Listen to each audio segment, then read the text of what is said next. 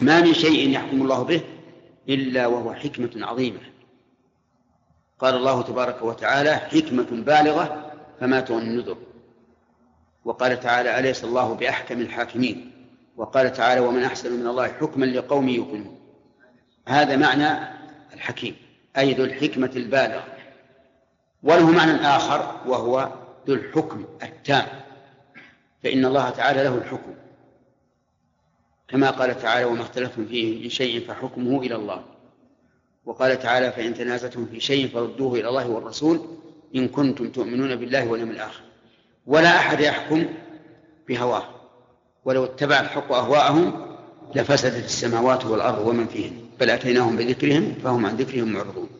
نسأل الله تعالى أن يتولانا وإياكم برحمته وعفوه وأن يجعلنا ممن علم وانتفع بعلمه إنه على كل شيء قدير.